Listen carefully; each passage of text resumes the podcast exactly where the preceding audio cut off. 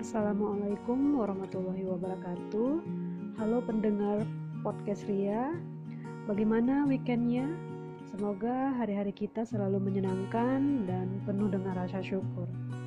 Di kesempatan kali ini, saya ingin mengucapkan terima kasih kepada Coach Bapak Haji Rahman Syarifono SE AKMAP yang telah membimbing saya dan tentunya kedua orang tua dan keluarga yang terus memberikan doa dan semangat. Hari ini kita akan sharing bagaimana sikap seorang ASN dalam menjalankan tugas. Sebelumnya saya ingin flashback sedikit perjuangan panjang uh, untuk menjadi seorang ASN.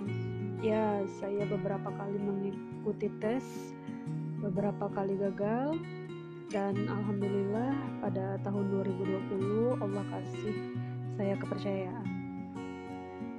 Dalam Undang-Undang Nomor 5 Tahun 2014 tentang Aparatur Sipil Negara sudah dijelaskan hak dan kewajiban ASN. Hak, hak ASN di antaranya berupa gaji, tunjangan dan fasilitas, cuti, jaminan pensiun dan hari tua, perlindungan dan pengembangan kompetensi.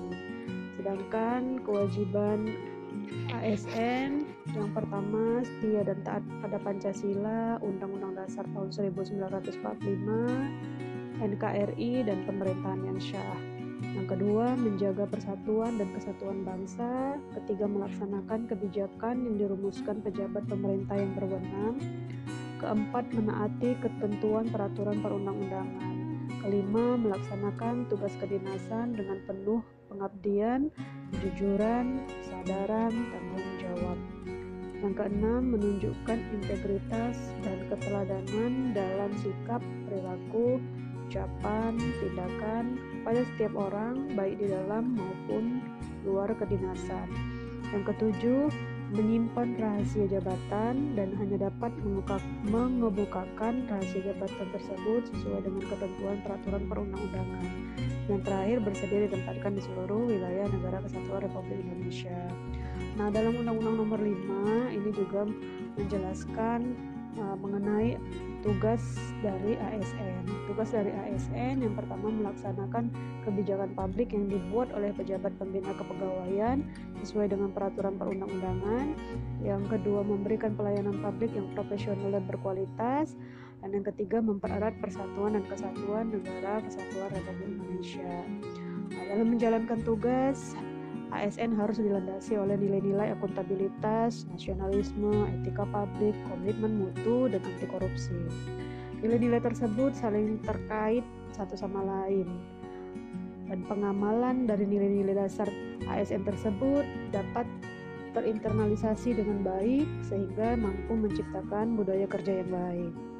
Seorang ASN harus memiliki komitmen untuk berintegritas. Berintegritas dengan adanya keselarasan antara hati, pikiran, perkataan, dan perbuatan yang baik dan benar. Sikap kejujuran, hati yang tulus, menghindari konflik, menjaga lidah, bertanggung jawab atas komitmen yang dibuat, serta menjunjung tinggi kode etik pegawai. Kemudian profesional. ASN harus bekerja secara profesional, Profesional di sini artinya bekerja secara disiplin, kompeten, tepat waktu, dengan hasil terbaik. Seorang ASN yang profesional akan berupaya meningkatkan keahlian dan keterampilan dalam bidang tugasnya. Inovasi Seorang berinovasi harus memiliki sikap yang terbuka, mempunyai jiwa perubahan, dan berani keluar dari zona nyaman. Kemudian tanggung jawab seorang ASN harus memiliki kesadaran dalam melaksanakan kewajiban dan tugasnya.